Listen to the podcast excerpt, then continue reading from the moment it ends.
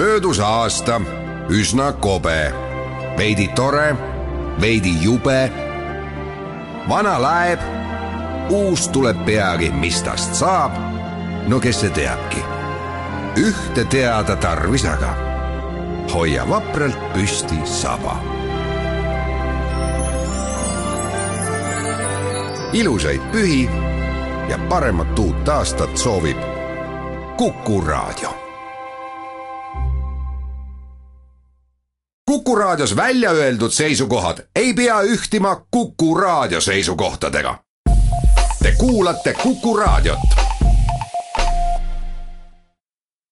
tere jälle, täna on teisipäev, kahekümnes detsember ja eetris tagasi vaade. minu nimi on Tõnis Eriloid. homme on päev, millal Narva ja ühtlasi Jaanilinn koos ümbritsevate küladega sai Eestimaa osaks no tegelikult oli Narva väljaarvamist Jamburgi semstvaalt tulutult taotletud juba ajutise valitsuse käest pärast tuhande üheksasaja seitsmeteistkümnenda aasta veebruari revolutsiooni. no miks seda tehti? et taheti Eestimaale, oli selge. Narva oli kasvanud koos ümbruskonnaga nii suureks, et tillukese Jamburgi sabas lohiseda ei tundunud kuigi meelitav. lisaks eh, kippus Jamburg Narvale maksudega liiga tegema ja tegelikult oli ju nii, et kohtuasjus alluti Eestimaa ülemmaakohtule. see oli veel pool häda, kui Narva vanem linnaosa kuulus Jamburgi kaudu Peterburi kubermangu alla, siis linna enda administratiivvalitsuse all oli Eestimaa kubermangule kuuluv Hungenburg ehk eesti keeli Narva-Jõesuu linna maa-alaga vahetult piirnevad Kreenholmi töölislinnaosa koos Siivertsi, Olgini ja teistega olid omakorda Wesenbergi ehk siis Rakvere maakonna all. vanas Narvas olid ülekaalus sakslased, Jaanilinnas venelased, eeslinnades aga eestlased eriõigused, mis linnajagudes sageli isegi naabertänavates valitsesid, kellelegi muidugi ei meeldinud juba tuhande kaheksasaja kuuekümnendal aastal oli toonane magistraat teinud eh, tsaari valitsusele ettepanekuid olukorda muuta, aga need taandusid kõik omavahelisele kemplemisele. kui linnas olid võimul sakslased, siis vaadati Eestimaa kubermangu poole, kui aga venelased, siis nõuti kogu maa-ala liitmist Peterburi kubermanguga Eestimaa ja Kuramaa kindralkuberner kirjutas selles asjas Aleksander Teisele tuhande kaheksasaja kuuekümne esimesel aastal, tema arvas küll, et Narva peab jääma Peterburi kubermangu. üksteist aastat hiljem kinnitas seda ka Aleksander Teine ise, Narva linn peab tingimata olema arvatud Peterburi kubermangu juurde ning soovin, et see oleks edasilükkamatult täidetud. no Venemaa hoidis Narvast ilmselt kinni eeskätt sellepärast, et tegemist oli kasvava tööstuslinnana. Kreenholm oli ju saamas üheks maailma suurimaks manufaktuuriks.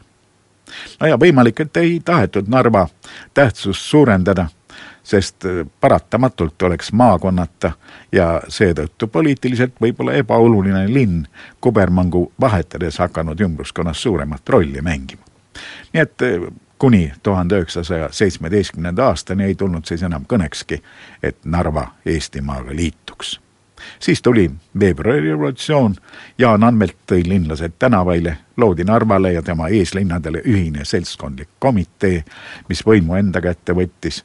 ja kui hiljem oli moodustatud ka majaomanikede selts, kes kindlalt Eestimaa kubermanguga liitumist pooldas, korraldati selle üle teisel juulil referendum hääleõiguslikud olid kaksteist tuhat sada viiskümmend viis Narva ja eeslinnade elanikku, kellest üksteist tuhat kaheksasada viiskümmend neli siis valdav enamus tunnistas linna ja eeslinnade liitumise hädavajalikuks.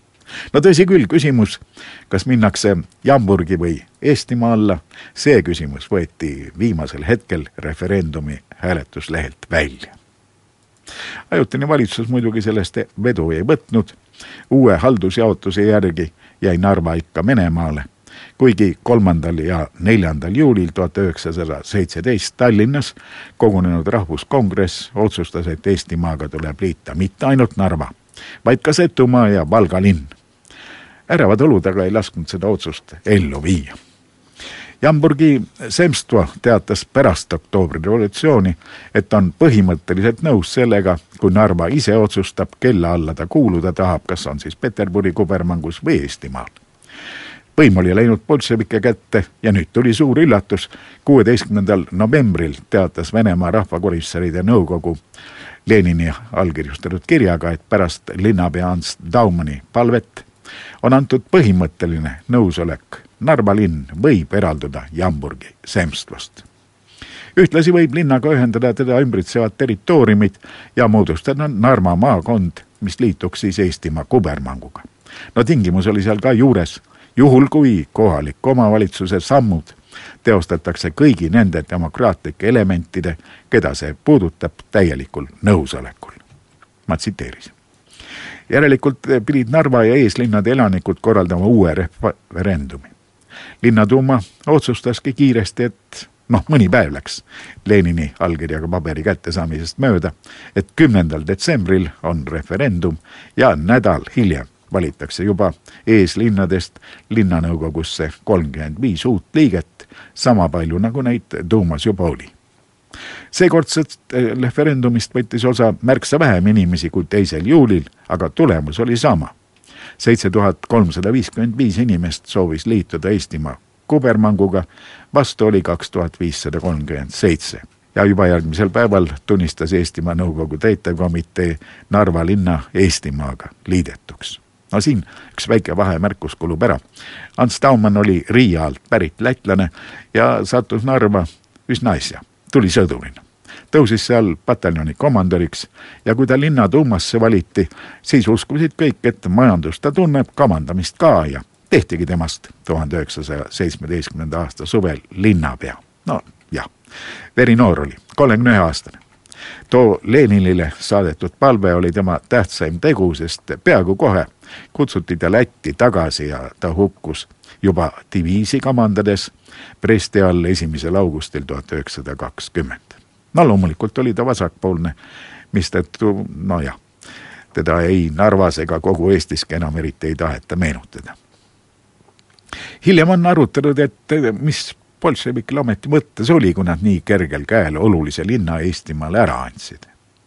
no õieti on muidugi öelda, et eh, nõustusid vaid selle liitumisega Eestimaa kubermanguga, mis sisuliselt oli sel ajal ju ikkagi veel Venemaa autonoomne osa. ja edaspidisele mõeldes no tõenäoliselt tundus neile, et mingi nende arvates väikese tüki loovutamine Venemaa küljest ei tähenda maailma revolutsiooniliselt suurt midagi. varsti on ju niikuinii võim igal pool nende käes Eesti kasutas olukorda ja kui iseseisvus kahekümne neljandal veebruaril tuhat üheksasada kaheksateist välja kuulutati, arvati ka Narva linn ja tema ümbruskond vabariigi piiresse. sakslasi see ei huvitanud, nemad tulid ja kohe okupeerisid Eesti, nende meelest oli Saksa-Baltikumi piir niikuinii nii piki Narva jõge. Narva kuuluvusest oli küll ägedalt juttu Tartu rahuläbirääkimiste ajal. William Domingas oli Eesti delegatsiooni sekretär ja ta on oma mälestustes kirja pannud. kõige tõsisema olukorra ette seadsid meid venelased, kui arutamisele tuli piiride küsimus. Nende kirjalik ettepanek tundus meile jalust rabavana. Seal oli piir tõmmatud nii, et näiteks Rakvere linn kuulus ka Venemaale, samuti Petserimaa. no peab küll täpsustama, et päris täpne Tomingas siin ei ole. tegelikult alustasid ju mõlemad pooled piiriläbirääkimisi suure blufiga. Eesti pool nõudis piiri, mis läheks Koporje lahest Globokoje järveni ning Jamburgi linnani, kagus aga Piki, Velika ja Jõge. Vene pool omakorda tahtis piiri tõmmata nii, et Narva linn ja Virumaa idapoolne ala Kunda-Neemest Rannapungeri ja jõe suudmeni ning kagus ka suur osa Setumaast jääks neile äärmuslikud seisukohad olid nad mõlemad, aga rahuleping sõlmiti ju ikka nii, et Eestile jäi Narva ja veel tublisti maid Narva jõe taga. no Jamburg küll mitte. miks rahuleping just sellise piiri kinnitas, on ka selge. Eesti rahvavägi hoidis küünte ja hammastega kinni Narva jõe ja mõneti ka selle tagusest rindejoonest ning venelased ei suutnud kiiret edu saavutada. rahu oli vaja, sest Lenin kiirustas, ta oli kõigega nõus Narva jäi Eestile ka siis, kui Nõukogude Liit tuhande üheksasaja neljakümne viiendal aastal formaalselt küll Eesti NSV Ülemnõukogu presiidium tõmbas piiri taas Vene võimu all oleva Eesti ja Venemaa vahele. Me jäime ilma Jaani linnast ning Narva taguse alast ja selliseks on piir jäänud kõik järgnevad seitsekümmend üks aastat. Kuulmiseni